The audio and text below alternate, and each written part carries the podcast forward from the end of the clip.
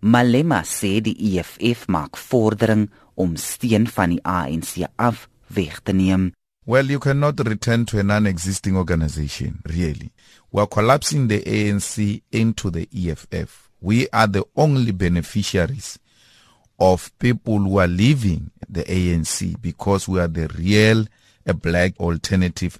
We are getting the best of the best ANC cadres on the ground. Malema sê daar is bekwame senior EFF leiers wat in die toekoms by hom as partypresident kan oorneem. Peter Ketse, Mbuyiseni Ndlozi, Naledi Chirwa, all of these young people have demonstrated that they've got the capacity to take over the EFF from us and run it.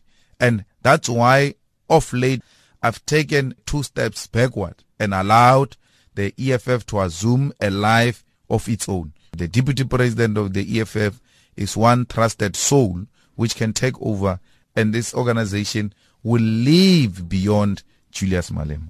Hy sê die grondwet moet verander word om grondhervorming sonder vergoeding toe te laat. So that we put it very clear in the constitution that land will be owned by the state and uh, it will be expropriated without compensation and uh, do away with the willing buyer, willing seller, which is not uh, working because our people do not have money.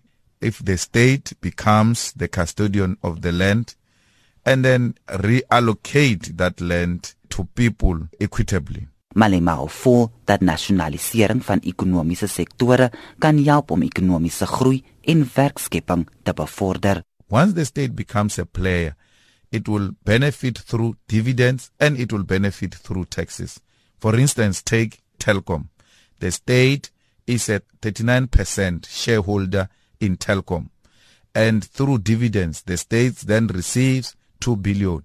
And through taxes, the state receives 1 billion.